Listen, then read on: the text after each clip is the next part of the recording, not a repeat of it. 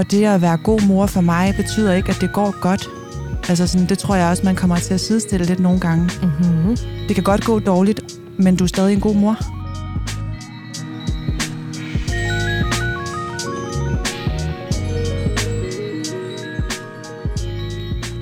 I dag, der har jeg ikke overskuddet til at tage dig med i køkkenet.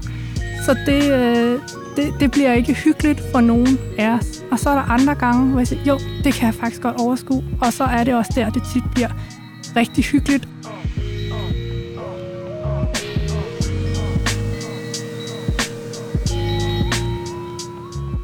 Velkommen til MomKind Podcast. I det her program, der skal vi tale om at være den gode mor.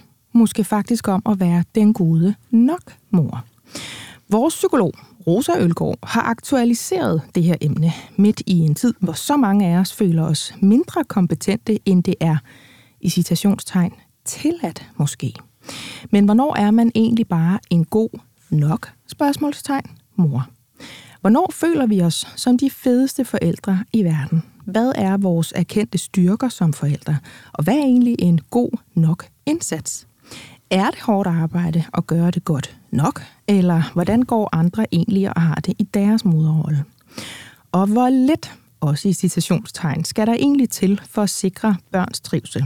Altså midt i den her tid, hvor der måske er gået lidt studie i forældrerollen for nogle af os, i forsøget på at gøre det så godt som overhovedet muligt, og hvor en del af os føler, at de fejler. Og så har jeg skrevet, og hvorfor irriterer udtrykket godt nok mig så meget? Det kan være, at vi kommer ind på det, det gør vi formentlig. Og det skal vi runde med dagens panel, som altså består af selvfølgelig Rosa Ølgaard, det er jo dig, der har aktualiseret emnet, Silan Drogkær Erdem og Tina Mjong Poulsen. Velkommen til jer tre. Tak. Tak. Tina, du er konsulent ud i sundhed og omsorg, og så er du forfatter til en bog om at være papmor. Mm. Og der er også en børnebog på vej.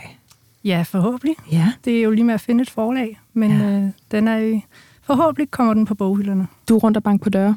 Jeg er rundt og bange på døre, ja. Ja. Og skrive følgebrev, og manus ligger egentlig klar. Ej, du har Ja. lavet det hele, og nu skal den bare... Nu skal den bare ud i verden. Ja. Ja. Gode vibes herfra. Tusind tak. Gode forfatter-vibes jo. Det er Ja, jo faktisk en form for kollega, Det er ikke? det, vi er. Ja. ja.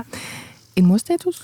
Jamen, jeg har to piger. Den ene er tre år og otte måneder, og så har jeg en på et år og fire måneder. Og morstatus er noget, der sådan fylder øh, i øjeblikket, og har gjort det længe, at det er det her med søskende. Jeg er selv enebarn, så jeg er meget betaget af den her søskende rolle og kærlighed. De der små øjeblikke, hvor de finder hinanden, kan jeg stå og se helt forelsket ud, øh, eller er forelsket i i den her situation. Og så er det også, øh, hvordan jeg håndterer søskende konflikter. Mm. For store søster kommer med meget kærlighed, og også nogle gange lidt voldsom kærlighed. Et eksempel var i dag, hvor hun, og det ved hun jo godt, hun ikke må, hun må ikke bære rundt på hende, hvor hun så lidt taber lille søster. Mm. Og jeg har jo lyst til at fare op og skælde ud, men også godt ved, jamen det er jo ikke noget, hun gør med vilje. Nej.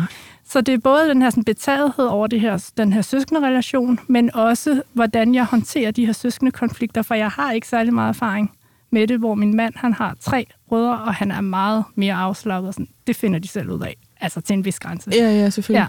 Ja. Øh, Kæmpe genkender på den der. Ja. Vi, vi er der nemlig også med sådan, Okay, ja. du må ikke prøve at løfte hende i hendes hoved. Ja. Det ved du godt. Altså, og netop sådan, Ja. hvor er det fantastisk, at du er interesseret i hende, Ja. men du må ikke løfte hende i ørerne. Ja, lige, Ja. og vi prøver altså, hvor er det godt, du ved din søster, men ja, sæt hende ned. Ja, ja, ja. Prøv, ja. Kig lige på hendes ansigt, skat. Ja. Kan hun lide det, du gør? ja, Ja. lige præcis. Ja. Så det er sådan en fascination, men også sådan, hvordan navigerer jeg i, i, i det her. Det, det øh, synes jeg både, det er både interessant og faktisk også lidt svært. ja. Ja, Kæmpe kender. ja det er dejligt at høre. Mm. Ja. Sila, Ja. du er øh, afdelingsdirektør i et marketingsbureau, Mm. mm. og vi skal bede om en morstatus. Ja, morstatus er, at jeg har Elson på 4,5 måneder. Lille Bebs, Ja. Yeah. som efterhånden er blevet, har fordoblet sin størrelse i hvert fald, og ruder rundt om natten. Ja. Og øh, jeg er begyndt at savne ting fra før ham, men jeg savner det ikke alligevel. Mm-hmm. Så jeg vil, sådan, jeg vil gerne ud på restaurant og spise profiterol, eller mm. snurret pasta med salvie, eller hvad det er, men det vil jeg ikke alligevel. Mm-hmm. Fordi jeg ved også, at jeg får ondt i maven, og det der glas vin, og jeg skal Ja. alligevel hjem. Så jeg har meget sådan savner, savner ikke dilemma kørende lige nu. Jeg vil gerne i byen, men det er alligevel også lidt klamt, fordi at så skal jeg hjem, og altså Ja. hele det der, jeg vil gerne ses med mine veninder, men det skal også være på den helt rigtige måde, fordi jeg skal jo også have det godt i det. Ja. Det er et sindssygt dilemma at stå Ja, i lige ja. Jeg vil gerne ud et sted, hvor de kommer med sovs i den der lille, lille bitte kovergryde, Ja. Ja. som de så altid går med igen. Ja. Det, hvis der sidder nogen, der lytter med, som er øh, hvad hedder det, restaurationsbranchen, bare lad den stå. Lad den stå. Vi kan sagtens drikke det sovs der. lad den stå, og på den måde er jeg meget, altså mit yndlingsord pt. er partikulær. Altså fordi, at jeg bare sådan, har sådan en helt specifik ting til, hvad jeg vil have lige nu. Ja. Og så når jeg er ude uden ham, så er jeg nærmest sådan lidt rude i det. det er bare sådan, jamen, jeg skal bruge det her fra dig nu. Ja. Altså hvis jeg er ude og købe en bog, eller hvad ved jeg, ikke? Mm-hmm. Og jeg får har kun den her tid, bøger, og det skal være nu, og du skal levere det til mig lige nu, Ja. for jeg skal hjem. Ja. Altså sådan, eller hallo, du der, du har ikke så meget at lave her, så du kan jo godt begynde at tage imod min bestilling. Jeg skal ind og se Barbie, for jeg har kun to timer, inden jeg skal hjem og amme igen. Ja. Vi er Jeg faktisk nogen, der er blevet liv. effektive af at fået børn, ikke? Ja, præcis. kom ja, lige kom gang, så, du. Kom så, skat. Ja. ja. og du er skøn at have besøg af på en restaurant. ja. Men jeg ved det, og det er en god start. ja. Selvindsigt er jo bare altid kedeligt, ikke? Og drikkepenge. Og drikkepenge. Der kan man komme langt til. Ja. Rosa, Ja. en morstatus fra dig. Mor til Eva på 4,5 Mm-hmm. og har trukket mig helt, helt i hegnet for første gang, siden hun blev født. Altså nu? Wow. Nej, ja, lige nu. Jeg er faktisk virkelig stiv. Nej, Gider du lade være at ryge herinde? Ja. det er sjovt, det her. ja. Nej, i sidste weekend var vi til nogle meget øh, tætte venners bryllup. Ja. Og får, øh, har, vores barn med, og farmor med i et sommerhus og bliver passet, og hun har hende hele tiden. Og vi, min mand og jeg kigger på hinanden og sådan, vi skal give den gas. Mm. Og vi skal, vi skal være øh, unge igen. Det Ja. var med min vennekreds, hvor, altså, hvor vi var 15, som vi, jeg har kendt siden jeg var i start 20'erne, og virkelig givet den gas sammen med dengang. Men jeg tvivlede ligesom på, om vi har alle sammen børn, og kan vi finde det i, frem i os selv igen? Ja. Og min mand og jeg kigger på hinanden, da vi er på vej afsted, sådan, okay, vi skal ligesom tage en forhold, og vi skal gøre indsats i dag. Og så havde vi bare alle sammen en fantastisk aften. Stod i en kæmpe tequila-brændert til øh, Barcode Brothers, I'm sending you an sms. Lukker dansegulvet. Og øh, det gør vi alle sammen. Og jeg var simpelthen så lykkelig på det der dansegulv der. Eh, Og det var ikke kun alkoholen, Nej. men sådan en fornemmelse af, gud, mm, det her kan jeg også Ja. ja. inde i. Ja. Det er ikke helt væk. Det var ikke noget, der kun lå til mine 20'ere. Og være fuldstændig mine egne behov. Ikke at længes hjem. Jeg vidste, hun havde det fint. Hun er stor, hun kunne sagtens hygge sig. Men at have sådan en fornemmelse af, gud, det er mere af det her, der også venter på et tidspunkt i 40'erne, i 50'erne, i 60'erne. Altså, Ja. der er mere af det her lækre voksenting med mine behov, syv lækre retter, dejlig vin, Ej, hvor godt. meningsfulde samtaler med venner. At det blev sådan en lugt ind i noget, som jeg ikke har mærket så dybt, siden jeg Silla, blev mor. sidder bare stirrer Jeg, var sådan, jeg glæder mig så meget. Altså, Og jeg, og jeg er sådan, det er så velfortjent. Jeg har lige mødt dig, men det er så velfortjent. Ja. ah, men det var så godt for os. Og så alt havde det rart. Ja. Ikke så meget dagen efter. Havde I arrangeret sådan, at farmor havde hende til lidt op ad formiddagen? Vi, vi lå begge to sådan der om formiddagen, vi var hjemme klokken over fire, og var begge to sådan, åh nej, og hvornår bliver vi vækket? Og vi, vi går så op i hovedhuset, vi har lagt os i der niks, 20 Smart. meter fra hovedhuset, Ja. vi kunne ikke køre noget. Mm. Kommer op i hovedhuset, og der er helt stille der klokken 11, og vi har sovet syv afbrudte uafbrudte timer. Mm. Og der var ingen i det der hus, og så ligger der en seddel. Hej mor og far, vi er gået på stranden. Ej, Kys farmor. farmor og Eva. Og så har de bagt boller. Og så kunne vi sidde ude på en solskin på en terrasse, og så kom de efter en times tid, og vores barn var bare helt sådan happy-go-lucky, havde bare haft farmor for sig selv, haft det virkelig, virkelig dejligt. Og min svigermor sådan, skal I ikke lige ned og have en dukker, inden I skal hjem? Ej, stop. Ja. Ja, men det var ej stop weekenden. Ja. Det var faktisk Ja. lidt ej stop weekenden. Ja. Men jeg tillader mig at fortælle den alligevel nu, fordi jeg ikke troede, jeg havde det i mig på den måde. Ja, ja, ja. Og kunne nyde helt ind i knoglerne. ja. Barcode Brothers, ja. Præcis. I'm sending you an Boden Anna. Alle de gode. Ja. Men så har I- også valgt noget fra den der playlist, som kunne fremkalde nogle følelser. Ja. Nej, manden, han startede jo med at spille sådan noget. Nu er det til alle jer fra dengang, I var unge. Og så spiller han sådan noget MGP. Vi var alle sammen sådan, du skyder os 10 år forkert. Oh my God. Vi er altså 10 år ældre end det, du tror. og så tog han den lige. Vi, vi har bare lige præcis Men... ikke været i solarie. Så vi er ikke dem der i midt-20'erne. Vi har alle sammen børn. De er derhjemme. Se vores rynker. Ja, men lidt federe, end hvis de havde spillet et eller andet, det ved Ja. jeg ikke, Aqua Dancing Queen. Altså, ja. Ja. dengang I var unge. Ja, i 80'erne. Aqu- Aqua, altså ABBA. Nej, Abba. Aqua Abba. Sorry. Ja. Hun har armehjerne, hun, må, hun må Ja. gerne have undskyld. Ja, og Jeg har det hele. til, at du er her. Mm. Ikke? Ja. Jeg, jeg kan godt, altså, jeg har jo, ja, så kan vi rulle over min mors status. Jeg har jo Trille på knap et års penge, og Elle på, på 3-4, altså 3,5, og så nok 4, når det her kommer ud. Det passer meget godt. Mere 4 end 3 i hvert fald. Og jeg kan godt huske den der periode der. Så det er sejt, du er. Tak. Øhm, min mors status lige nu som jeg føler egentlig taler okay ind i det her med at være den gode nok, i parentes og spørgsmålstegn, parentes slut, mor, det er, at jeg i går sad og bookede øh, på samme dag, lige op af hinanden, at jeg først ved en tur til min dejlige frisør, og så vil jeg spille med øh, videre i byen og have lavet min negle. Og det vil jeg her først kommende lørdag, fordi øh, sæsonen den skifter, og mor skal have sig en øh, dejlig nødebrun, helt hårfarve. Mit hår bliver meget lyst i løbet af sommeren. Mm. Nu går jeg, jeg er en af dem der, der overdriver efteråret fuldstændig. Og det vil jeg have, mit hår skal... Ja, du griner, Rosa. Ja. Men det er, fordi jeg er pumpkin spice latte Jeg skulle til at sige, er det basic girl med knæstøvler og filthatte lige om lidt. Og det, der Det er være. There's no stopping me. Um, og så skal jeg have en frisk mosgrøn farve øh, på akrylneglene. Og godt, det ikke var på håret. Ja, det tænkte Nej, nej, nej, det er neglene, vi er her.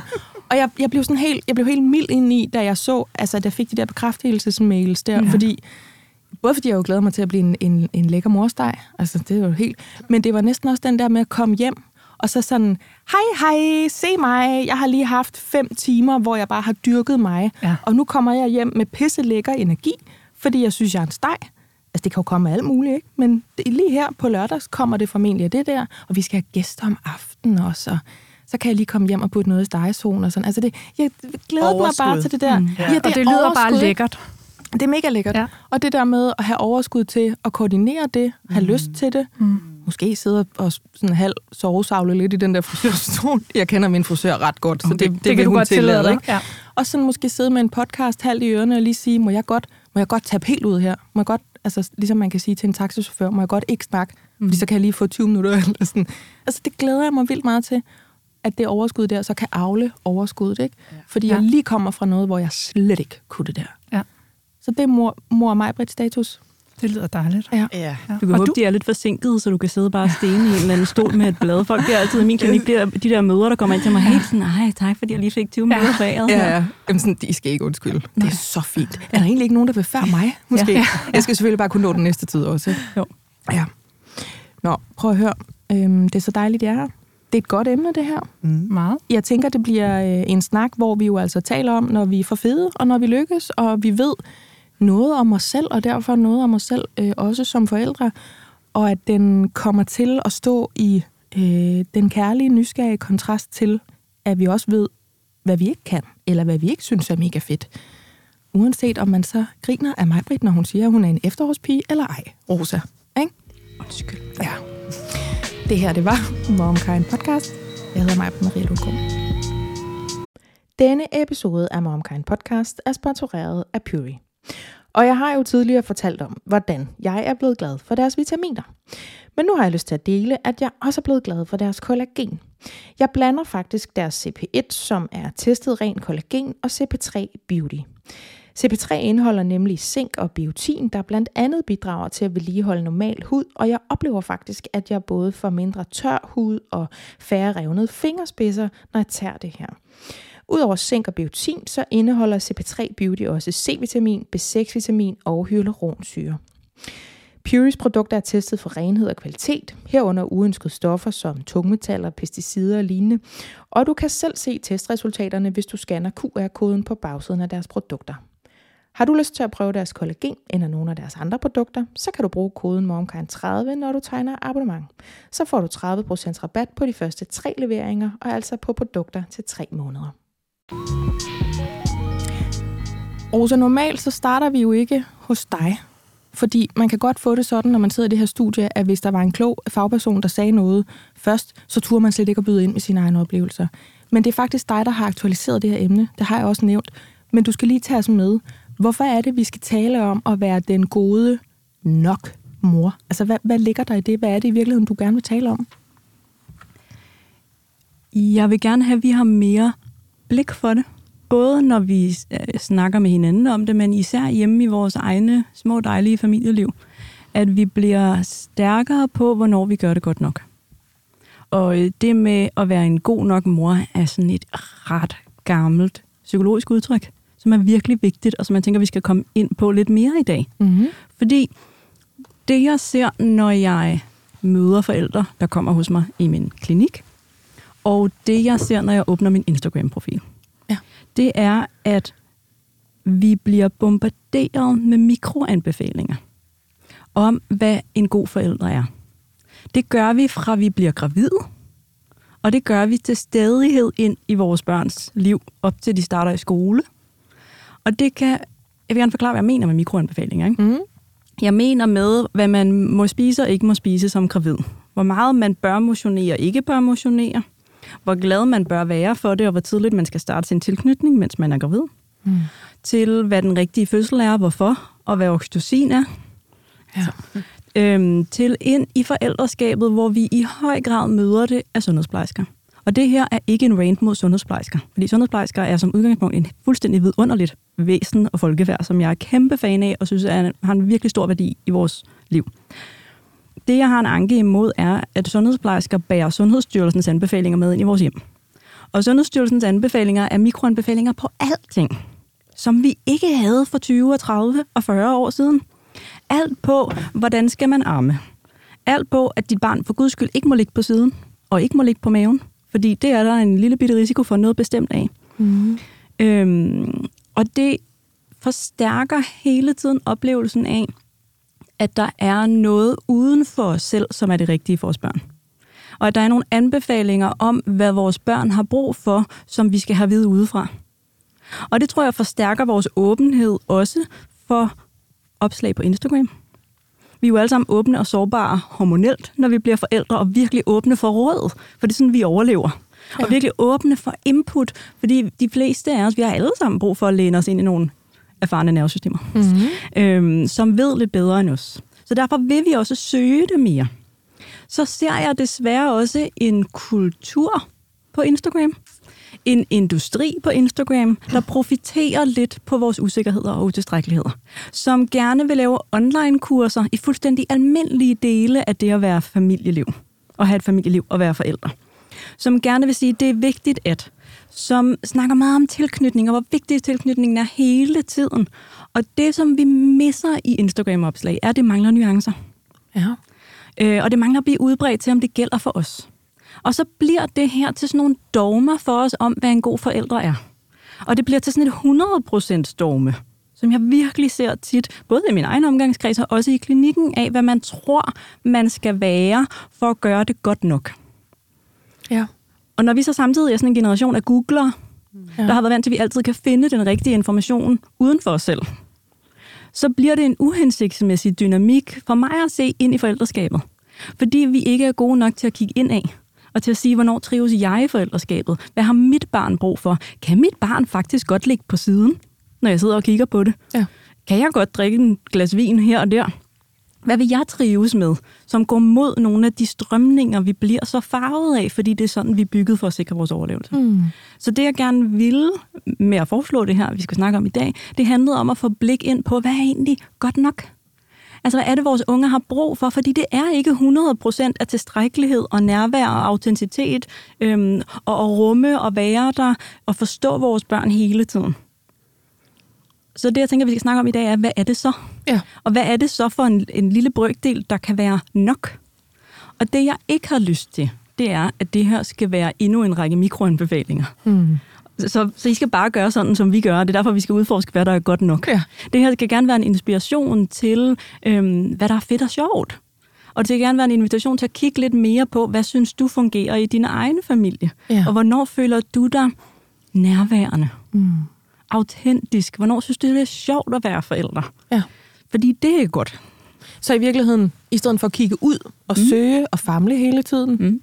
selvom det jo kan være godt nok, Mm. øh, så også ture og kigge ind.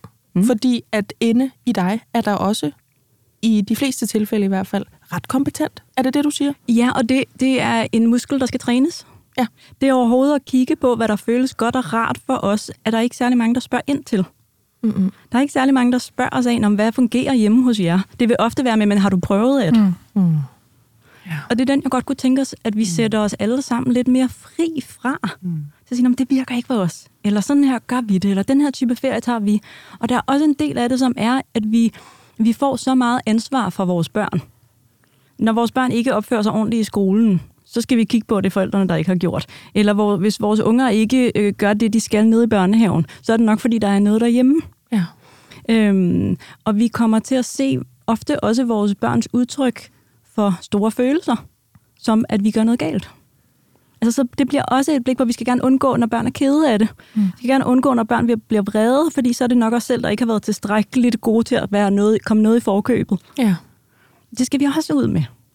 Så i det her program, der sætter vi øh, stor fed øh, lyskejle på, når vi selv synes, vi er for fede. Ja. Og når vi kan mærke, at vi virker.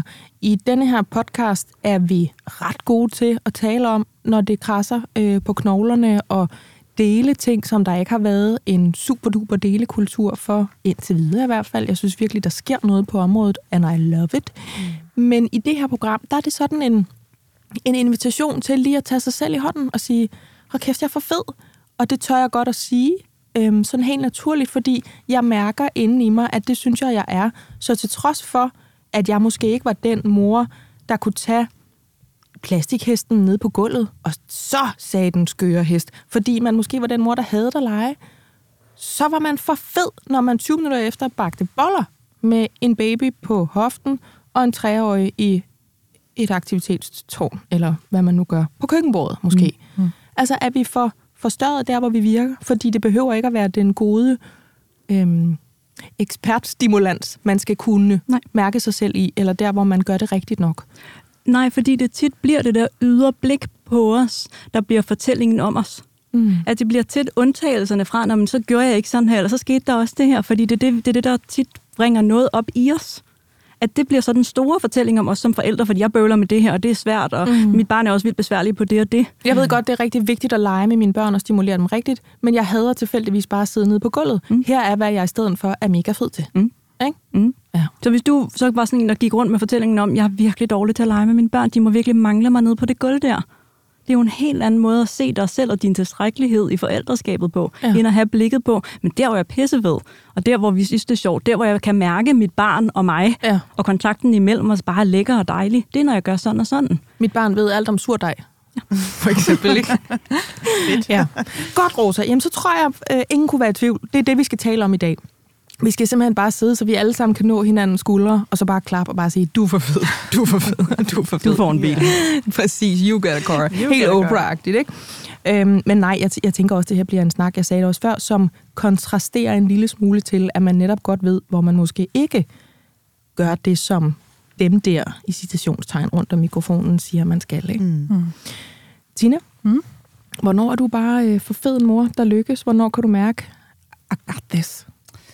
Jeg synes, i forhold til det, Rosa hun lige har sagt, så har det været en øjenåbner for mig at, at, at finde ud af, hvornår er det, jeg egentlig har overskud til øh, for eksempel at tage mit barn med i køkkenet. Jeg er ligesom dig, Maja Britt. Jeg hader, det må jeg gerne sige her, mm-hmm. at sidde og lege far, mor og børn på gulvet. Og det bliver kunstigt for mig. Og jeg har også en skade i hoften, som gør, at jeg kan ikke sidde nede på det gulv, for så kan jeg næsten ikke rejse mig. Men jeg kan for eksempel også godt lide at være i køkkenet med min datter, men det er, når jeg har overskud til det. For ellers så har jeg lagt mærke til, at så bliver det faktisk ikke hyggeligt. Mm. Så jeg kan godt nogle gange sige, hvor hun vil gerne med ud og lave øh, æggesalat. Det er noget, vi tit laver derhjemme, hvis vi bare skal have råbrødsmadder. Ja. Og der er nogle gange, jeg siger nej, og hun bliver jo rigtig frustreret og rigtig ked af det. Det er den store på, øh, på øh, 3,5, fordi det gør hun jo nogle gange, men jeg kan bare mærke, at i dag, der har jeg ikke overskuddet til at tage dig med i køkkenet. Så det, øh, det, det bliver ikke hyggeligt for nogen af os. Og så er der andre gange, hvor jeg siger, jo, det kan jeg faktisk godt overskue. Og så er det også der, det tit bliver rigtig hyggeligt, og vi står og har nogle små samtaler, som om noget i børnehaven, eller altså hun har alle mulige, altså hvorfor spørgsmål kommer bare i en lindstrøm, så det er, hvorfor hedder det et æg, hvorfor er det der gult, og stå og snakke om de der små hverdagsting. Mm. Og det synes jeg har været en ret stor øjenåbner for mig, at jeg behøver ikke sige ja hver gang, fordi jeg har gjort det én gang. Men at jeg må faktisk godt sige nej, og så må hun godt blive frustreret. Og jeg plejer lige der med maden til med aftensmaden lige at klappe den af med min mand og simpelthen sige, jeg kan simpelthen ikke overskue, at hun er med i dag. Og øh, det siger hun, fint, så tager, så tager jeg dem, og så, øh, så er der drama inde i stuen, fordi hun vil jo gerne ud og lave den æggesalat. Og det kommer hun så en anden gang. Mm. Ja. Så, så for dig er det faktisk noget med, når jeg respekterer mine egne grænser ja, eller overskud, ja. så er jeg det federe end mor, når jeg har overskud, ja. fordi så er jeg ærlig, og så ja. er jeg autentisk. Ja. Hvor i starten, der var det sådan, at jeg havde jo også sagt ja i går til, hun måtte bage boller, eller lave æggesalat, eller hvad det skal jeg grøntsager. Og jeg har faktisk ikke overskud til det i dag, men nu gør jeg det bare alligevel. Mm. Og det, det, var nemt, det var bare sådan en overskridelse af mine egne grænser, som gjorde, det blev ikke særlig hyggeligt, og jeg stod og jappede det igennem. Og øh, jeg kunne godt mærke bag, bagefter, at øh, det var ikke en succes. Så det, nu er det blevet sådan en differentiering af, at øh, har jeg overskud til det, så kommer hun med. Ja. Og har jeg ikke overskud til det, så er det også okay at sige nej. Ja. Også selvom jeg ved, at hun, øh, hun bliver meget frustreret. Ja. Ja. Nu blev det meget med æggesalat, Ja. ja. men jeg tør godt at brede den ud til alt muligt, altså på ja, din vegne. Ja, lige præcis. Altså netop som er, jeg ved godt, at øh, det er godt for børn at lave æggesalat. Ja. Men det er ikke godt for børn hjemme hos mig at lave æggesalat, hvis hende, der skal koge æggene og lave majoen og finde kajen og salten og peberen og sillelagen. Det er et lille tip. Hvis man lige smider en skefuld af lidt krydret sillelag ned i, så bliver Mm. den genial. Det er jo umami. øh, det var en side note. Det skriver jeg lige ned her. Hvis hende, der skal alt det, hun er i underskud, så bliver det ikke en plusoplevelse. Så Nej. bliver det en rigtig minusoplevelse. Lige præcis. Så det er faktisk noget med for dig, når du kan mærke, kæft, jeg virker nu. Det er, når du møder ærligt op. Ja, og ja. kan mærke mig selv, og ikke gøre det på mit barns præmisser. Og det, nu skal det jo ikke lyde som om, at jeg aldrig tager hensyn til hende, men blevet bedre til at mærke efter, hvor, hvornår, hvor er det mit overskud er, hvor er det min grænse går. Ja. ja. Og, det, og som jeg også skrev til dig, Majbrit, da vi, da vi snakkede om det her program, alle de her ting, jeg sidder og siger, det er jo ikke noget, jeg gør 100 procent. Det er noget, jeg øver mm. mig i hver dag, og jeg synes, det er svært, og jeg øver mig. Ja, Ja. det er også vigtigt at få med. Netop så man ikke, det ikke bare bliver siddet og sige rygklapperi, jeg gør det godt hver eneste gang, for det er Mm. det bestemt ikke. Nej. Men det er også altså, vildt spændende, det du siger, fordi i virkeligheden, så siger du, at, i virkeligheden så siger du jo, at du har et, øh, et behov, og dit barn har et andet behov. Men det, jeg hører dig sige, det er også, at der er et stort fælles midte, hvor begge jeres behov i virkeligheden kan opfyldes, eller i begge to kan være. Ja. Altså, er vigtige. Og, og vigtige, Ja. og at Ja. det ikke er sådan en, et smal, en smal lille sti, man skal gå ned af, men at i de fleste tilfælde, så er der faktisk plads til, at I, I former det efter, hvordan I begge to passer ind i den her ramme, Ja. øh, som I befinder jer i, og det, øh, det er vildt inspirerende. Jamen, det er da dejligt at høre. Ja. Ja. så bare er i gang med ægsalaten derhjemme. Det blev Med sillelag. Jeg tror, jeg tror aldrig, vi har snakket om æggesalat Nej, før, men der men altså, altid noget nyt vi kommer jo Ja. vidt omkring, og Ja. jeg tror også, at æggesalaten lige er blevet en metafor, ikke? Jo, lige præcis, det Ja. er det. Det Ja, kan ja. udskiftes med alt andet. Og, Varm altså, løv på steg Ja. og ribbindsteg og alt til et frokostbord. Ja. Silan, Yes. det er jo ikke, fordi du har været mor så pokkers længe endnu, Nej. men du har gjort dig nogle tanker, det Ja. ved jeg, for vi har talt sammen, Mm. om det. Ja. Hvornår er du for fed en mor? Ja, altså jeg har virkelig taget titlen til mig allerede på Ja. fire og en halv måneder, øhm, og rollen, øhm, og det er jeg glad for. Rigtig glad for den nye rolle, jeg har fået i mit liv. Altså, jeg er også en fed mor, når jeg er nærværende, men jeg tror, hvis jeg skal være helt ærlig, så er jeg en fed mor, når jeg sådan netop forstår, hvornår jeg har et eller andet behov for noget andet i virkeligheden. Øhm, og det, jeg er god til, det er at fange det i god nok tid, sådan at, at, jeg, altså, at mine batterier ikke når helt i bund. Ja. Så nogle gange skal jeg bare have et kvarter eller et par timer ude. Øhm, og, øh, og det kan være, at jeg øh, motionerer, hvis jeg har overskud til det. Altså, det er jo også flot, hvis man kan det. det. Det behøver det jo slet ikke at være. Det kan også bare være at høre en podcast. Nogle gange er det også bare at lave en facepalm ned i sin seng. Altså, og bare ligge der med hovedet begravet ned i sengen, og så bare sådan lukke alt ude. Øh, så det der med hele tiden at sørge for, at min egen energi er opladt, er bare vildt vigtigt for mig. Øhm, og så tror jeg bare, altså, jeg har det også sådan lidt, øhm, vi talte også om det her med at have en perspektivering på tingene. Altså, jeg kigger bare på mig, og så tænker jeg bare, lille Elton, du har det så godt. Du har en mor, du har en far, eller hvad konstellationen kan være. Mm. Øhm, du bor i et land, hvor der er tryghed, og altså, okay, det kan godt være lige, at jeg lige glemte at kigge dig i øjnene her til aften. eller øh, din blæ, nogle, eller sådan nogle gange får han måske lidt rød numse, fordi jeg lige glemte. Og Vi fik skal ikke lavet de der øvelser på maven ude på puslebriksen. Ja, præcis. Ja. Altså sådan, og så kan jeg jo godt få følelsen, som du siger, det er jo aldrig 100 procent, men den der perspektiv af, jamen, altså, mm, du har det sgu godt. Og det er, mm. alt er gennemsnitligt. Ja. Den, øhm, den bruger jeg rigtig meget, og så føler jeg mig sej, at jeg kan det allerede. Ja. Det kan jeg rigtig godt lide ved mig selv. ja. Mm. Jeg sidder også og tænker, wow, det drøs der, du har på en eller anden måde, Mm. det gad jeg godt have haft, da jeg Mm. blev mor første gang. Ja. Øhm, fordi jeg tror egentlig, jeg har den i mig. Men jeg kom så meget i identitetssalatslyngen, da jeg blev det første gang, at det bare var sådan... Ah! Ja. Ja. Altså i virkelig lang tid for Ja. mig, øhm, hvor jeg også selv blev usynlig og ikke vigtig og alt det her, som vi jo også har hørt Rosa tale om. Mm. ret mange gange efterhånden, men på alle mulige forskellige måder. Altså det der med, til sidst så vidste jeg ikke engang, hvad for noget mad jeg godt kunne lide. Øhm, men jeg havde jo også et barn, som faktisk havde det ret godt. Ja. Det kunne jeg bare ikke lige se, fordi Nej. jeg kunne ikke lige mærke mig selv. ja. Og det, jeg egentlig hører begge to sige, er, vi føler os som de fedeste mødre, øh, mødre og kender vores øh, moderskabs styrker, når vi mærker os selv. Altså når vi respekterer os selv. Ja. i virkeligheden. At det også er noget med bevidsthed. Det er noget med bevidsthed, og for mig er det også noget med, altså nu er jeg jo også leder i mit arbejde, og jeg har ligesom fundet ud af, okay, jeg er jo faktisk altså, den her baby CEO på en eller anden måde. Så det, Jeg elsker det. så, altså, det jeg siger, det er det, det, det skal blive til. Ja. Og så kan det godt være, at jeg lige no, nogle gange tager den forkerte beslutning. Ja. Men altså sådan, så længe det er inden for en ramme af, at det er fornuftigt, så er det okay.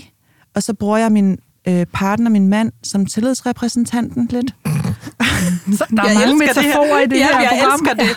det. Jeg endelig bare kører ud af det spor der. Der er så- mange corporate damer, der kan spejle sig i den der. Fuldstændig sagde jeg sådan, okay, han er tillidsrepræsentanten, jeg er nødt til at fortælle ham, hvordan jeg har det. Han er nødt til at tage sig af mig, selvom han også skal tage sig af vores barn.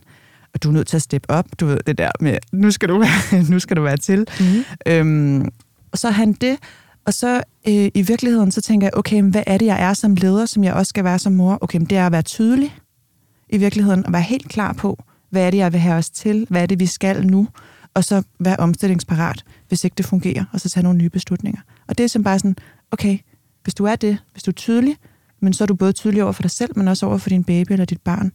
Og det er sådan, det, det prøver jeg. Jeg har også dårlige dage, men det prøver jeg virkelig Ja, ja, ja, ja, på de ja. dårlige dage også at tænke over. Ja. Jeg tror ikke, jeg var min baby CEO. Jeg tror, jeg var hendes butler. altså, det, det første barn der i hvert fald. Indtil jeg fandt ud af, at jamen, det, det er mig, der sidder forrest. Det, det er jeg nødt til, for ellers så bliver jeg bare slynget helt ud af den der salatslynge der. Ikke? Mm. Tina, du øh, markerer helt, øh, sidder i auditoriet på, øh, ja. ja. eller på CBS, måske ja. ved Silan, der lige har en forelæsning. Hvad vil du sige, min ven? Jamen, det var, jeg synes, det er rigtig interessant at høre, fordi du kun har været mor, nu laver jeg situationstegn på kun i fire og en halv måned, om det var nogle tanker, du havde gjort der inden. For jeg tror ligesom dig, Maja Britt, at, at jeg er måske ved at have den, men jeg var slet ikke så reflekterende omkring det, da jeg havde fik mit første barn.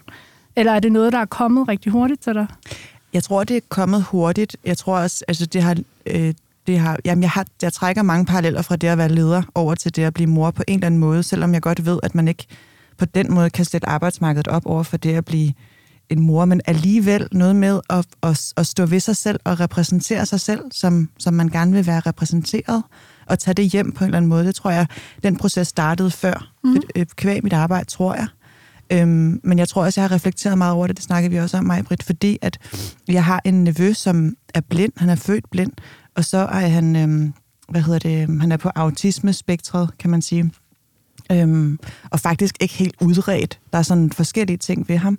Og, øhm, og det har faktisk givet mig et perspektiv på en eller anden måde. Mm. Fordi jeg kan godt forstå, at man kan være, jeg kan godt forstå, at man kan være i tvivl, punktum.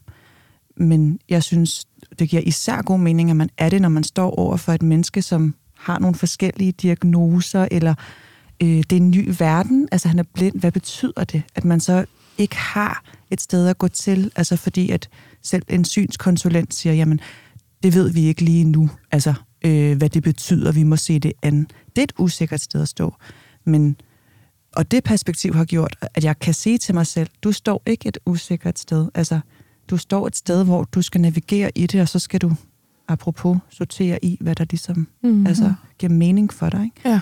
Og det tror jeg har hjulpet mig rigtig meget. Og jeg hører dig, by the way, ikke sige, at dem, der også har fået øhm, det, hvad skal vi sige, i citationstegn, almindelige barn, ikke må føle, at de står et usikkert sted. Nej, fordi, fordi jeg havde det- jo også et fuldstændig sundt og rask barn. Du har bare på din rejse, og før Mhm. du blev mor, haft Mhm. anledning til at se eksempler på, Ja. okay, der er nogen, der er kategorisk på dybt vand der. Der er simpelthen noget, der er usikkert. Mm. Og fra det har du ligesom perspektiveret i tide. Det er præcis. Altså, det er Ja. jo ikke præcis. Det er virkelig vigtigt for mig at sige, for det er pisse hårdt også. Altså, det er jo pisse hårdt arbejde. Og du tvivler på dig selv og alle de der ting, og du gennemgår en kæmpe transformation. Og det at være god mor for mig, betyder ikke, at det går godt. Altså, sådan, det tror jeg også, man kommer til at sidestille lidt nogle gange. Mm-hmm. Det kan godt gå dårligt, men du er stadig en god mor. Og det, det tror jeg, det, altså, det, det, øhm, det kan man vinde meget på. Og jeg tror, jeg i hvert fald kommer til selv at gå hen et sted og sige, ej, han græder helt vildt meget. Det, det er fordi, jeg, har, jeg gør det dårligt, og min mand gør. Og vi har prøvet sådan at hjælpe hinanden lidt i det, ikke? Fordi min mand, han er meget sådan, han må ikke græde, fordi så er det dårligt. Jamen, han skal jo give udtryk for sit behov på en eller anden måde, ikke? Ja. Så at sidestille det, det, det tror jeg, hvis man kunne bryde den lidt, så tror jeg, det kan hjælpe lidt. Det gør det i hvert fald på mig selv. Gud, hvor er jeg vild med. Jeg er stadig en god mor, selvom det ikke går godt. Mm. Altså helt vild med mm. den, faktisk. Jeg stiller den lige over til Rosa, fordi det kunne jeg på en måde også se. Du blev... Øh, ja. Kan Mm. du lige læne dig frem til mikrofonen, imens du tager de noter der? Mens jeg tager de noter der. Ja. Øhm, jamen det er lige præcis det der med at afkoble sig selv fra at være den, der har al magten og al betydningen for ens barn. Fordi i virkeligheden, så synes jeg også, der ligger enormt meget indgroet mistillid til vores børn, til hvad de ikke kan håndtere. At vi skal håndtere det perfekt hele tiden. Vi skal øh, rende rundt og bære dem ned. Jeg bryder mig ikke så meget om det der køling-udtryk, fordi det, det synes jeg er enormt nedladende. Mm. Øhm, vi, fordi jeg synes, at det med gerne at ville vores børn det bedste, det kommer jo af det ømmeste sted i os alle sammen. Mm. Ja. Det der bedste er vi bare nødt til at snakke lidt mere om, Ja. for at kunne vide, hvad det er. Ja. Fordi vores børn kan jo sagtens holde til at være ked af det. Vores børn kan sagtens holde til at blive strukket længere og ligge lidt selv, mens man lige skal ordne noget. Og også at være ked af det over noget, som måske faktisk vi godt kunne have gjort noget ved. Men det gjorde vi ikke lige der. Mm. Og derfor kan jeg virkelig godt lide det der med at få afkoblet mm. det fra at gøre det godt nok, versus hvordan det går Ja. i situationen. Men det er også, hvordan man gør det med de vilkår, man har, og mm. hvordan man får prioriteret dem fra dag til dag. Jeg kan tage mig selv i, og kan høre altså næsten ugenligt i klinikken, at der er nogen, der siger til mig, at så kom mit barn hjem fra vuggestue eller børnehave, og var bare fuldstændig færdig. Og det var også bare mig, der skulle have hentet hende noget tidligere. Altså, vi er nødt til at... øh, Altså, så kan du gå tidligere i morgen, Ja. øh, fordi mm. det var bare for meget, og det er jo også meget at skulle være over i sådan en institution der med få voksne, og alle de der historier, vi fortæller os selv, i stedet for at være sådan, ja, måske græd hun fordi, og var lidt overstimuleret, fordi hun havde været i institution hele dagen. Mm. Måske bare fordi hun er fire år, mm. eller to år, og har det liv, det betyder at være et menneske, som ja. de jo også er. Mm. At vi får slet ikke givet dem rum nok også til at udforske deres egne følelser, være deres egne mennesker, når vi på den måde får overtaget lidt og vurderet vores egne forældreevner ud fra, hvor få negative følelser de har. Ja. Ja, der ligger, der lig, bare lige til lytterne, der er ikke nogen, der tisser. Sig lige heller et glas vand op, Jeg er bare vildt fordi den, den gik lige i mig, den der. ja, men har du den der ammetørst? Mm. Ja, ej, hvor kan jeg huske den. Helt vildt. Jeg gik Ja, næsten med den der klaphat, med, altså med sugerør ned på hver side. Jeg har aldrig været så tørst i mit liv, både første og anden gang. Ja. Der var ikke nogen, der tissede. Nej, Nej, det kan vi ikke noget, vi vil være ved i Nej. hvert fald. Nej, det var ikke det.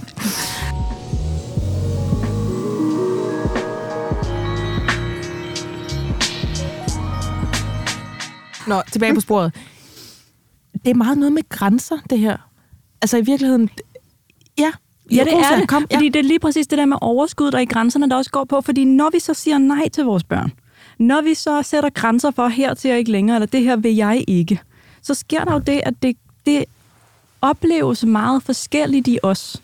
Om vi gør det fra et sted af utilstrækkelighed, og jeg kan ikke mere, og jeg ved godt, du har brug for alt muligt andet, men mm. mor kan simpelthen ikke mere. Jeg Eller, kan vi, ikke lave æggesalat med dig lige nu. eller om vi gør det fra et sted, der hedder, du har nok. Ja. Du har det godt. Ja. Jeg har brug for det her.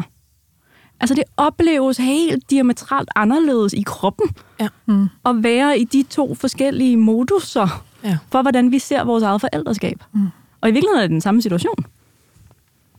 Men Jeg det, sidder og i det hu føles kommer... anderledes. Ja, nu siger jeg bare lige, den der...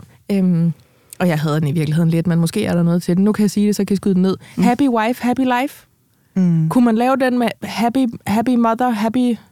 Ja, og det, og det, det, og det, Jamen, det nej, ved vi ikke. nej, happy, altså, glad mor, glad barn, er der jo nogen, der siger, men jeg, Ja. jeg, jeg, jeg bryder mig virkelig ikke om den, fordi vi skal afkoble de der to ting. Ja. Og man kan jo godt være pisse ulykkelig, fødselsdeprimeret øh, mor, og faktisk have et barn i fin trivsel. Ah. Det er jo det. Ja. Man kan også fint være et barn, der har det, der har det helt af helvedes til, ja. og være en mor, der faktisk gør det godt nok, mm. og har det godt. Gud, hvor er det sandt. Det er så sandt. Ja. Og, og vi får Ja. lavet lighedstegn mellem de to, som Ja. giver os den der kæmpe vægt fra vores skuldre, Ja. fordi Ja. så skal du med mig også være glad. Ja, ja, jamen helt. Så i virkeligheden, det, så er det jeg, når jeg sidder og tænker, hvis man gør noget godt for sig selv, og man husker sine egne grænser, mm-hmm. så har dine børn det også godt. Mm-hmm. Men med det får jeg, jamen præcis, så får jeg også sagt, ja, så hvis du ikke har det godt, så har dine børn det ikke godt. Ja. Du har et ansvar for at være fuldstændig i balance. Ja, du skal være For når du er i balance, så kan jeg jo også, jeg kan høre mig selv sige det, Ja. så kan jeg jo også rumme mit barn meget bedre fra et andet sted. Men det er overhovedet ikke det, der er vigtigt. Og du kan jo heller ikke hjælpe nogen, hvis du går ind og siger til den, jamen når du er glad, så er dit barn også glad, så kan du ikke bare lige tage dig af dig selv. Det giver jo ikke mening for Nej. nej. folk, fordi, eller for mødre, fordi Ja. ja. de tænker, nej, nej, det er da, altså, når jeg er glad, jamen jeg, altså, så, så begynder man at tænke i, om så skal jeg øh, ud og opleve alt muligt, og mit barn skal bare være med på slæb, og du kan da bare have dit barn med til koncert, osv. Så, så, videre. så bliver det alt muligt andet, for der ryger ind i det der, som, og i virkeligheden er det jo bare kernen af, altså, du skal tage dig af dig selv, og du skal tage dig af det her menneske, men det er to forskellige ting. Ja. Ja, og I har lige stor værdi. Ja. Altså, du skal ikke passe godt på dig selv for at være en god mor. Ja. Den der kande skal ikke fyldes mm. op, så du kan hælde af den. Den skal sgu da hælde, øh, fyldes op, så du kan få noget at drikke. Ja. Og have det rart, og have det lækkert. At det det skift, jeg godt kunne tænke mig om. Du skal ikke øhm, have det lækkert, fordi det skal have en funktion i din Ja, fordi familie, du fordi du skal være- flyde over med ting Ja. og du skal være den, der har ansvaret. I, altså, vi har jo sådan et meget børnefokuseret måde at snakke om familieliv på, mm, ja. som bliver, at vi måler meget vores familieliv. Vi bliver spurgt meget ind til, hvordan vores børn har det. Vi snakker meget om, hvordan vores børn har det, hvordan de trives. Mm. Men vi snakker ikke særlig meget om os selv, og hvad vi trives i, hvordan vi har det godt i sådan familieterapeutiske sammenhænge. Hvor jeg kunne ønske mig, vi bliver bombarderet med råd til, hvad der er vigtigt at gøre med vores børn. Jeg kunne ønske mig, at vi blev bombarderet lidt mere med, og det er lige så vigtigt, hvordan du har det som voksen. Ikke fordi du skal give noget, men fordi, at I er I, I er fire i jeres familie, Tina. Silan, I er tre. Mm. Og I har tre har lige stor værdi som mennesker. Mm. I skal ikke prioriteres ligeligt, fordi der er en fire måneder gammel, der lige skal have noget lidt andet om natten og sådan noget, men, men, men I har lige stor værdi. Mm. Og derfor har du fortjent at have det rart. Fordi du er til, fordi du har værdi som menneske, der lever i den her verden. Og der er stor forskel på, hvordan det føles at tage det. Ja, du er, ikke, du er ikke en person, der skal sendes til, til nu kan vi bare tage fat i mig, mm. frisør øh, mm. og neglesalon, fordi du skal blive til et middel, Nej. eller en kande, der kan hældes af. Du skal de ting, fordi det er godt for dig. Det skal føles Punktum. rart. Ja, ja, Det, det, man må gerne gøre ting i sin verden, fordi det føles rart. ja. Og så synes jeg virkelig, der er noget der med, fordi nu sagde jeg jo før, det handler meget om grænser, og hvis man har det godt, og man gør gode ting for sig selv, og husker ens egne grænser, og alt det der, som du startede med, med ikke-salatsmetaforen der, Tina, øh, så har ens børn det er jo også godt. Mm. Altså, jeg kan høre mig selv sige det der med, om hvordan går det? Jamen, det går godt. Når ungerne er glade, så er vi jo glade. Mm. Og det er i virkeligheden lidt noget fis. Og tænk et ansvar, det også er for vores unger, ikke? Ja. At skulle Ja. rende rundt og være glade og velfungerende og reguleret og sove godt og alt det der, fordi så gør vi det godt som forældre. Ja. Ja. Og det er sat på spidsen, men jeg tror altså godt indimellem, vores børn kan mærke mm. det forventningspres til, mm. hvordan de skal være, for at vi gør det godt. Ja. Jeg kommer sådan til at tænke på, når, når du siger de der ting, Rosa, som jeg også synes, der har været, været sådan lidt oppe af det der med bare helt fra, fra efter fødslen af et barn, der er rigtigt, når man kommer på besøg, så er det nej og baby, og hvad, alt drejer sig om den der baby. Hvor jeg øver mig i at prøve at spørge til moren, Ja. og også nogle gange til, far, altså til faren, hvis, hvis faren er hjemme, og sige, "Men hvordan, hvordan har I oplevet det at være forældre, og hvordan gik fødslen? Fordi lidt groft sagt, så er barnet lidt lige glad. Mm. Men det er bare rigtig vigtigt, altså som mor, at få talt om den oplevelse, ligegyldigt hvilken slags fødsel det har været. Men jeg har også hørt flere, der har sagt, at lige så snart barnet kom ud, så var fokus væk fra mig, og fokus var på barnet. Og det skal det jo selvfølgelig også være i en eller anden forstand. Men det der med at se, at der er altså også en, en mor og en, en partnerfar, hvad, hvad det er, hvilken familiekonstellation det er, som er blevet forældre. Og at det ikke bare er barnet og barnets behov, der skal fylde det hele. Så den starter i virkeligheden allerede der med blikket på alle. Jamen, jeg, jeg prøver i hvert fald at øve mig i, når øh, nu har jeg lige øh, fået en lille nevø, og da jeg snakkede med min, øh, min svigerinde første gang, selvfølgelig snakkede vi om den lille nevø. De bor i Jylland, så det var over telefon. Men jeg prøvede også at sige, nu skal, hvordan var din fødsel? Ja. Hvordan gik det? Hvordan op, vi har begge to fået kejsersnit. Hvordan var din oplevelse? Noget med dig. Ja, Ja. præcis noget med dig. Og noget Ja. med ikke at fyre sin egen fødselshistorie Lige af præcis. inden for samme Ja. minut. Ja. Det er svært. Hold lige igen, det er svært. Ja. Jeg ved det godt, jeg har Sid. prøvet det allerede. Sid, sid på din mund, eller hvad man skal Ja. se. Ja. Lyt Ja. og ikke snak. Ja. Ja. Og hvis nysgerrighed på, at der er nogle forældre med nogle oplevelser Ja, af at lige være blevet forældre, som ikke er generaliserbare til alle Ja. andres, men som det kan virkelig give noget at blive vist den nysgerrighed Ja. på, som du beskriver. Tina, du startede os jo med øhm, den skide æggesalat der. Den. Hvornår, ja, hvornår landede den for dig? Fordi jeg føler, at jeg næsten kan sige en dato, hvor jeg bare måtte sige, jamen nu, nu, må jeg, nu må det bare være sådan, nu må det bare være en sandhed, at jeg er en god mor, eller en god nok mor, eller hvad vi nu skal kalde det. For vi skal jo også lige runde, hvorfor det der nok, mm. det irriterer mig på en eller anden måde. Ja. Men hvornår landede den i dig? Altså var det, du har jo en på tre et halvt. Hvor- Altså, jeg tænker, det måske har været med, med den første der på et eller andet tidspunkt, at jamen, nu må det være godt nok, eller nu kan jeg mærke, at det virker, eller Altså, hvornår kunne du ligesom aflede den der, Jamen, jeg det- er sgu en god nok mor? Det, det synes jeg er interessant, du spørger, fordi det Ja, tak. føler jeg ikke, at jeg... så- Altså, jeg føler, at jeg arbejder med det Ja. stadigvæk, og egentlig tror, at jeg kommer til det. Al- Altid lyder så, øh, så voldsomt, men, men det, det er noget, som jeg, som jeg prøver at være mere bevidst om, og jeg kan, jeg kan ikke sætte en dato på, men det er først kommet efter, vi har fået to børn. Fordi det giver et helt andet arbejdsload, Ja. øh, og øh, at jeg kunne bare se, at jeg kan ikke være to steder på en gang, og jeg har ikke det samme overskud. Og så er jeg så heldig, siger jeg, at jeg får sådan nogle meget fysiske reaktioner i min krop. Så jeg kunne simpelthen, altså jeg fik, øh, jeg kunne få hjertebanken og virkelig få det dårligt, når jeg har overskrevet mine egne grænser.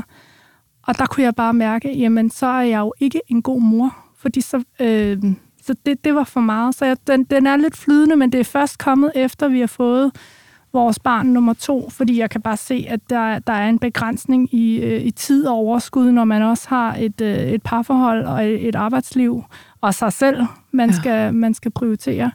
Og så kan jeg egentlig også godt lide at lære øh, vores datter, at øh, nogle gange er der et ja, og nogle gange er der et nej, og det bryder verden ikke under, at du får et nej en gang imellem. Eller måske går din verden under, men du har det stadig godt. Ja, og Eller- du kommer eller- videre cirka Eller jeg er stadig en god mor, i Ja, hvert fald. Lige Ja. præcis. Ja. Ja. Jeg har ikke ødelagt dig, selvom du måske ligger inde på stuegulvet og sparker op i luften, fordi Ja. du er frustreret lige nu. Ja. Ja. Bor du hjemme hos os? Nej, men jeg tænker, de der, vi har cirka samme alder, så det, Oh, ja. Jamen, de kunne øh, Ja. rende tapetet af væggen sammen, tror det jeg. tror jeg. Ja. Ja, det er formentlig en aldersting. ja. Temperament. Ja, for Ja. Satan altså. Ej, kom og mød dig selv, som man siger, ikke? Ja, åh, det er spejl øh, face, ikke? Christian Brøns-agtigt. Der var noget 90'er noget der, ikke? Kan I huske den? Ja. Nej, nu Kom og mød dig selv. Nå. Midt i mine drømme. Ham med pagehåret helt det er rigtigt, der var med altså- i Big Brother, ikke? Ja, ja, ja. Ja, ja. ja, ja. Ja, ja, ham ja. den introverte, lidt guitarfyr. Ja, Ej, præcis. hvad var det for en Rigtig sang, han også guitarfører, havde? ja. Han havde en, der var mere kendt. Du kan gøre, Yes. hvad Det er du vil. Tilbage til dansegulvet, Ja, lige til det der bryllup i sidste uge, det tror jeg faktisk. Jeg, jeg tror stadig, han turnerer til julefrokoster på Ah. Ja. I would come. Momkan julefrokost. Ja, Ja, der, der, Nå, der fik vi sat gang i noget helt andet. Silan, du mm. havde på en eller anden magisk måde fået de her ting på plads, eller i hvert fald fået dem adresseret for dig selv, om ikke andet, Ja.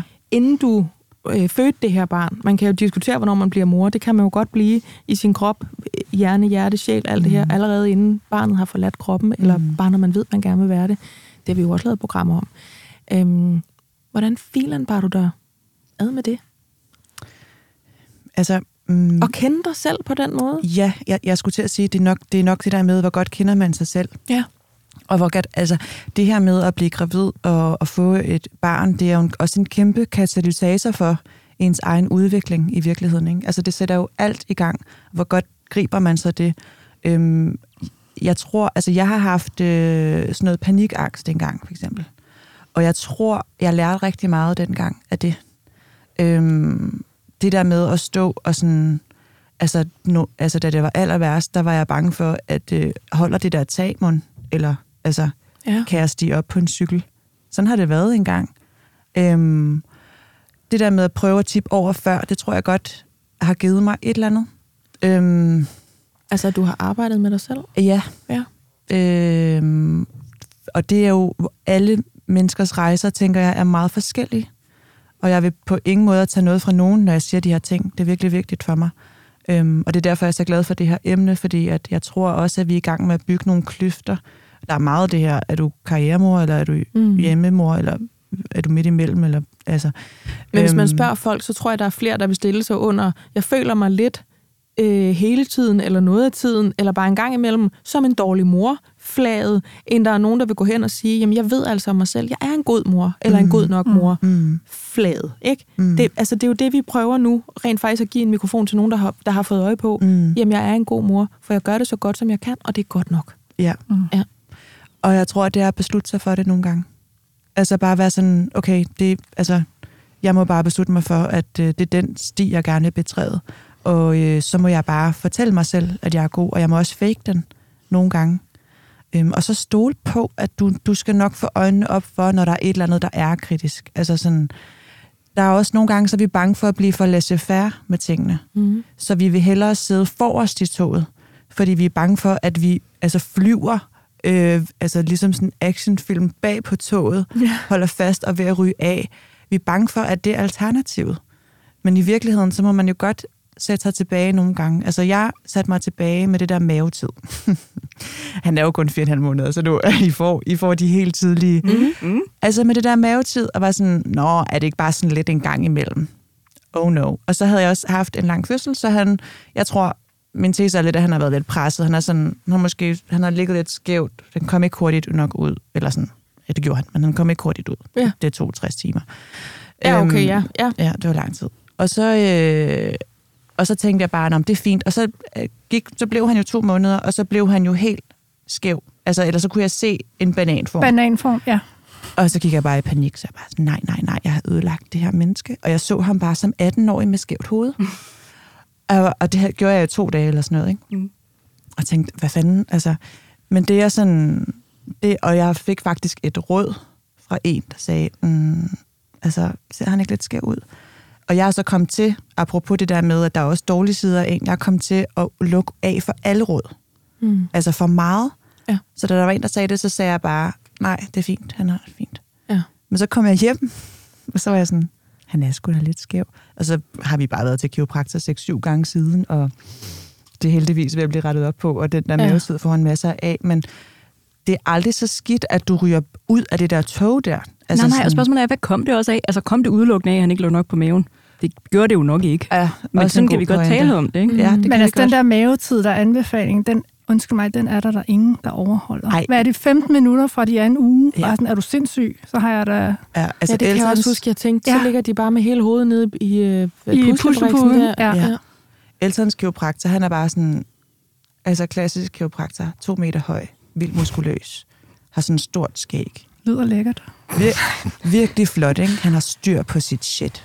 Så kommer jeg ind, og så er han bare sådan, ja, det havde været bedre, hvis du kom for en måned siden. Og så er jeg bare sådan, okay, hvor galt er det? ja. Men han sætter sig ikke ned og fortæller mig, det er okay, han skal nok, altså han bliver et normalt menneske. Mm. Det er jo sådan, det er jo et ansvar, der pålægger en, så man har også et stort ansvar. Mm. Men det kan være så overvældende. Men det, du slår på trommen for, det er jo det der med, mm, i de fleste tilfælde, der er det altså ikke så gralt, at du bliver kastet af toget. Præcis. Rosa, du øh, ryster på hovedet, men altså, du, ja, du giver ret. Jamen det er det, jeg mener med de der mikroanbefalinger. Vi blev jo bims af dem. Mm. Men når, når, fordi så vil der hele tiden være ting, vi ikke gør godt nok. Der er hele, altså den, hvis vi lavede sådan en liste over anbefalinger, det ville, det ville være ret sjovt at gøre, for at se, hvad er det egentlig, man, skal, man, man bliver målt op imod, bliver mødt af. Mm. Det er der jo ingen mennesker, der kan. Så hvis det er det, vi tror, der skal til for, at vores børn har det godt, Mm. og det er det, der er meningen med udtrykket, der hedder at være en god nok mor. Det er i min optik at, øve, at, at rette det ind af til at sige, hvad, hvad, hvad er tilstrækkeligt i vores familie? Ja. Hvad er godt nok for mit barn? Hvad er godt nok for mig? Hvad er det for nogle dynamikker, vi skal have herhjemme, for at det fungerer i en, i, en samlet enhed? Ja. Så hvad er godt nok i den kontekst? Ikke hvad er godt nok i den der liste. Det der nok der, det skal vi jo nok til at komme til nu. Nok, nok, nok. Hvorfor det irriterer mig? Mm. Det er fordi, det jo konnoterer, at der er noget, der er bedre. Mm. Og det kunne man jo bare anstrenge ja. Sig for at opnå. Mm-hmm. Hvor at jeg kan bedre lide den der med, det er godt, punktum.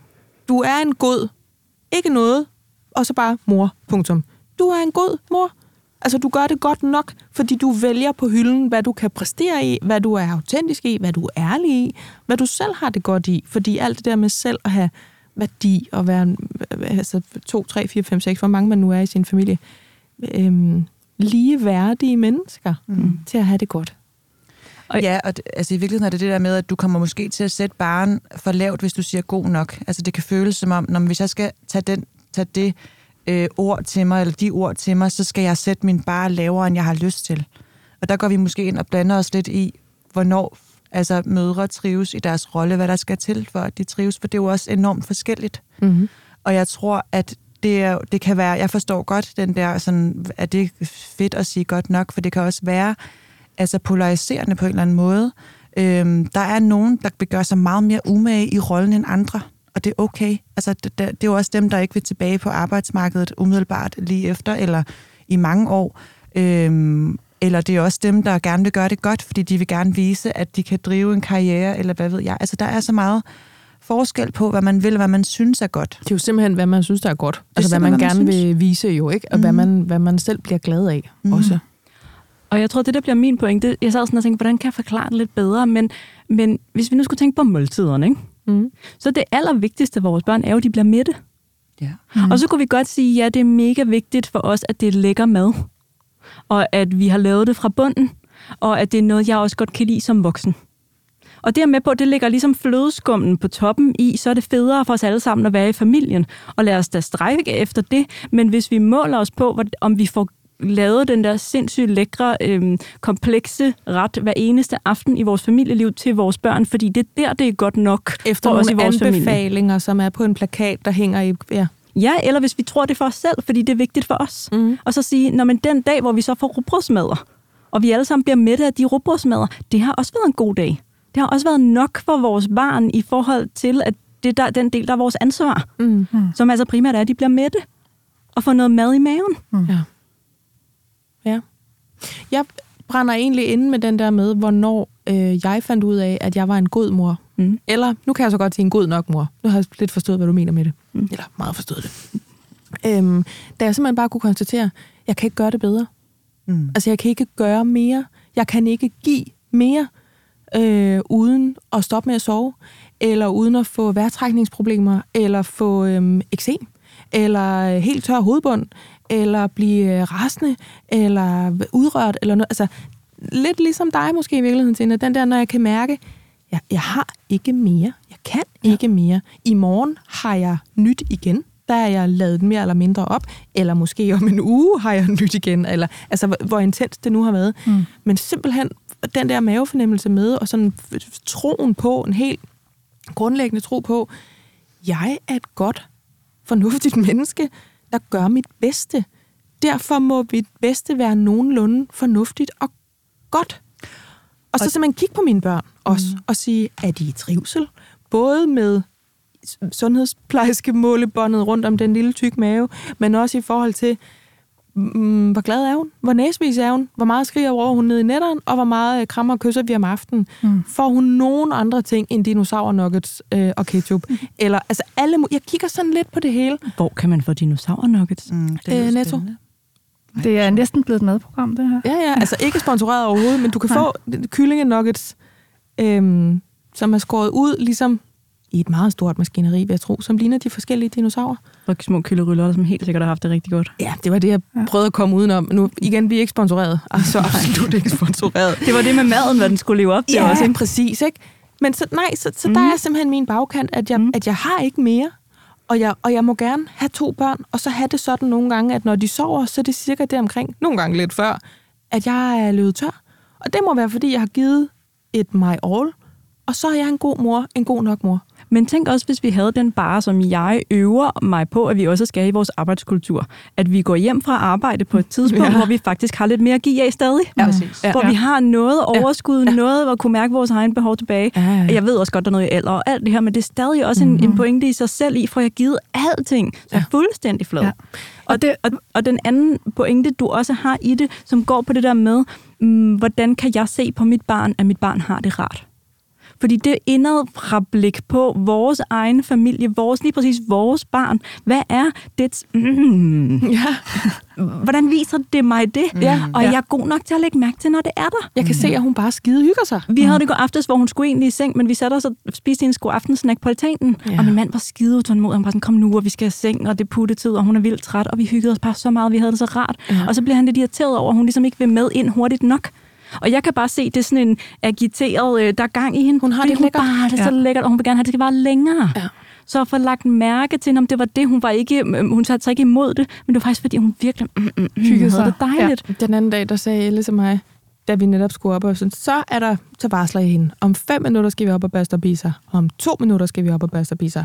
Og så da vi skulle det, så siger hun, mor, jeg vil bare ikke have, at det skal være slut endnu. Ja. Mm. sådan, okay, så har du måske et ret godt lille liv, og Ja. derfor er vi måske ret gode forældre, og derunder er jeg en god nok mor, hvis det bare ikke skal være slut endnu. Mm. Ja. Klip Ja. til, at vi ligger i ske inde i mors og fars seng med de der kæmpe store enhjørningebamser. Og, og nu ved jeg godt, det lyder sådan noget, jeg finder på, men det var det altså ikke. Jeg elsker bare dig, mor. Og det promise, det er ikke noget, jeg sidder og finder på. Det, Det sagde hun. sødt. Og det er, faktisk, det er faktisk første gang, hun har sagt det. Ej, hvor Ja, cute. så den smider ja. jeg også lige ind på bordet. Ikke? Jamen, den er også vigtig. Den hører Ja. til i det her program. Jeg kan godt lide Ja. det. Jo. Fordi det var jo... Det, altså, den, den tog jeg. Den skravede jeg til mig, den Ja. der. Ikke? Jeg elsker bare dig, mor. Men den må man også godt lige, apropos, jeg tror også, jeg havde skrevet i mine noter, sådan, altså fejre de der små succeser, man Mhm. gør. Og det, det der var noget, jeg ville kunne tænke tilbage på, lige din situation, hvis det var mig. Mm. Og sige sådan, ej, der ownede jeg den virkelig. Ja. Det, det var sgu et fedt øjeblik. Ja. ja. Men det er også bare så vigtigt, at vi tager ansvar for os selv på den Mm. måde. Altså fordi, at den her verden, altså øhm, min mor og svigermor, de er nogle gange sådan lidt, øh, hvorfor har folk det så dårligt i dag? Det havde de ikke før. Altså den her sådan, på tværs af generationer, tvivl omkring, hvad der foregår. Og så må jeg også fortælle dem, jamen, det er en helt anden verden, vi er i i dag. Mm. Altså det, det der er sket øh, siden 80'erne, er helt vildt voldsomt. Så de her børn skal nok blive konfronteret med alt muligt svært. Om det så er Instagram eller et andet socialt medie, eller et, al den her sådan overstimuli, der også findes i verden. Så jeg tror virkelig på, at det bedste, vi kan gøre, det er at være de her hele mennesker. Mm. Altså hvor vi netop har os selv en tjek og tager ansvar for vores altså, eget følelsesliv. Øhm, ja. I forlængelse af det vil jeg faktisk også godt lige skubbe på den der, du måske næsten nåede at sige, inden jeg så afbrød dig igen, Rosa, det der med, det er i hvert fald noget, jeg selv har formuleret på et tidspunkt, at jeg så har øh, problemer med at leve op til det, det er noget andet. Det der med, dit bedste er ikke, når du kravler i mål. Altså sådan Mhm. helt øh, svedig. Dit bedste ligger et godt, altså, et godt stykke tid før det. Ja. Øhm, det Om- ved jeg jo egentlig godt. Og mængden af det er så meget mindre, end vi tror. Ja. Altså det der med så at sætte sig på det der gulv, eller at gå den der tur med et barn på armen, have den gode øjenkontakt, kunne mærke sig selv i relationen, Mhm. mm. så sæt det barn fra dig igen. Altså det, behøver, det er ikke de der mange timer nede på gulvet, der gør det store liv. Det er små glimt af kontakt, som også fylder os op of- ofte. Ja. Og, Og hvor vi- du selv er nærværende i forhold til, ej, nu skal jeg også sidde her i to timer. Du kan jo ikke være nærværende i to timer. Det, det kan jeg i hvert fald. Ej, jeg kan ikke. Nej. Men jeg kan være det måske i et kvarter. Og det tror jeg også, som du siger, er meget bedre, end at man sidder nede på det gulv, bliver det i den metafor, i Mm. to timer, og egentlig ens hoved er et helt Og andet har sted. halvt telefonen frem, Ja, lige og vil egentlig gerne folde det der vasketøj. Ja. Men Ja, så og sæt ikke- en eller anden ja. deadline på. Bliv siddende der, så Ja. længe du kan synes, det er fedt og rart, og 5-10 minutter er også nok. Ja. Men start gerne med det, Mm. så du også selv får fyldt dig op i at sætte dig ned. Vi har så travlt med alt det, der skal ordnes også i vores familieliv. Mm. Og alle også de ydre blik på, hvordan vores hjem skal se ud, hvordan maden skal være, hvordan, hvad alt andet skal være ordnet, og også i et mental load-perspektiv, Mm. i Ja. hvad der, er, der hviler Ja. på os. Så også at have lidt blik for, hvad er det, der står i vejen, som ikke er mine egne behov, mm. men som er praktik. Ja. Der står i vejen faktisk, hvor jeg får sat mig på det gulv, eller taget mit barn op, eller lavet nogle ting, som jeg selv vil synes var lækre. Vi skal jo øhm, desværre, det er sådan er det jo altid, til at runde det her program af. Men jeg synes, Rosa, at vi lige skal lave den der disclaimer, som vi plejer, Mm. som er, øhm, alt er jo ikke bare per automatik godt nok. Der er nogen, som ikke gør det godt nok. Det er ret få, men hvis man øhm, har det på en den og den måde, sådan noget som du plejer at sige, så har man øh, fortjent at få noget hjælp og få noget omsorg, så skal man søge noget hjælp, alt det der. Kan du lige lave sådan en til os? Og vi så to byttede hatte i dag. jo, men det er fordi, jeg har ikke lyst til at, og nu siger jeg noget, der lyder mærkeligt, når det kommer ud af min mund, berolige nogen unødigt. Altså, vi skal bare lige have den der, hvad er bagvæggen for det her? Mm. Altså, man, der, der må være en, en grænse også. Det er også, så vi ikke bliver skudt i skoene, at vi siger, Alt er godt alt, nok. alt er bare Ja. godt nok. Ja. Hvordan kunne den lyde? Den kunne lyde som om, hvis du hver dag har det sådan, at du vemmes ved at være sammen med dit barn, og ikke har overskud overhovedet til at være sammen med dit barn. De meste af dagen, hver dag, øh, synes det er alt for overvældende. Mm. Øhm, hvis du det meste af hver dag bliver virkelig irriteret på dit barn, hvis du, hvis du ofte øhm, råber, skiller ud. Vi har også et afsnit om vrede, så der, kan, der skal man nok kigge lidt på det, men, men øhm, hvis I har nogle dynamikker derhjemme, som ikke fungerer på den måde, hvis du som udgangspunkt ikke har lyst til at hente dit barn, tage hjem, være i dit familieliv, Mm. hvis du grundlæggende ikke trives i det på den måde, ja. og det derfor bliver svært at føle dig god nok. Hvis du, når vi har siddet og delt de her ting i dag, hvis du ikke kan mærke, hov, der har jeg det lækkert og dejligt herhjemme, Mm. mm. der kan jeg mærke mig selv. Hvis du ikke på den måde kan mærke dig selv i dit familieliv, det fortjener du Ja. at kunne. Det fortjener din familie, det fortjener du i det store, lange liv, der er den familie, du skal have nu. Øhm, hvis det er svært for dig at mærke glæde i din familie, så skal du søge hjælp. Så skal du snakke med din sundhedsplejerske, eller med din læge, eller med dine venner, eller din mor, eller med nogen, der kan øh, hjælpe dig med at spejle, om det her det fungerer eller ikke fungerer, og hvis du er i tvivl, så må række ud efter en professionel. Ja. Jeg synes også, altså, jeg føler også, at det, fordi der er mange, der lytter med, og det, det, jeg føler, at det er vigtigt at se, at det er ikke kun en selv, der har ansvaret for familielivet eller for relationen til dit barn. Og hvis du har en partner, så er der jo et kæmpe ansvar der. Men hvis, ikke, altså hvis du har valgt at få et barn alene, så har du nogen i din omgangskreds, du har allieret dig med. Altså, sørg for at have et godt, altså en, en, altså et godt støttesystem i virkeligheden. Netværk. Et godt netværk. Altså, det er så vigtigt, øhm, fordi det her, det må jo heller ikke blive, som du siger, de der mikroråd og sådan, og det kan jeg også mærke, det har jeg også brug for at sige, Mm. fordi at øhm, det er bare ikke dit ansvar alene, og der er nogen, der vil give dig et kram, hvis du beder om det. Og, det er der, du skal hen i det. Det er sindssygt at blive forældre. Hold da kæft, altså. Det er Og- fucking vanvittigt. Ja, og den der, det er Og en alt er et fase, skal heller ikke blive med Nej. sådan en undskyldning på, at du skal holde alting ud. Mm. Fordi det er en fase, skal ikke vare hele tiden. Det er en Mhm. fase, skal være glemt. Og du skal have en oplevelse af, at der kommer noget nyt, og der kommer noget nyt, og ting ændrer sig. Og hvis du ikke har den bevægelighedsfornemmelse i dit forældreskab og i din egen trivsel, så skal du søge hjælp. Ja. Godt. Nu lukker jeg den. Vi er nogle gode mødre. Der sidder i det her studie nogle gode nok mødre, Mm. som, øh, fik dig overtalt. ja, som gør en hel masse øh, og gør nok. Øh, og der skal formentlig meget mindre til, end vi gør, og øh, end alle dem, der lytter med, gør. Men vi gør alt muligt, og det er noget med generationer, og det er noget med øh, inputs, og at vi ved alt muligt, og vi gerne vil gøre det så godt som muligt, og hele møllen. Mm. Så det gør vi formentlig allerede i kraft af det. Men øhm, jeg er jo nødt til at gøre det. Og det er altså at sige tusind tak til Tina Mjung Poulsen, Silan Broka Erdem og altså vores faste psykolog, Rosa Ølgaard. Tusind tak, fordi I var nogle gode møder og var med i det her program. Tak fordi vi måtte komme. Tak fordi vi kunne komme. Tak fordi vi kom. Ja. Det her, det var Momkind Podcast.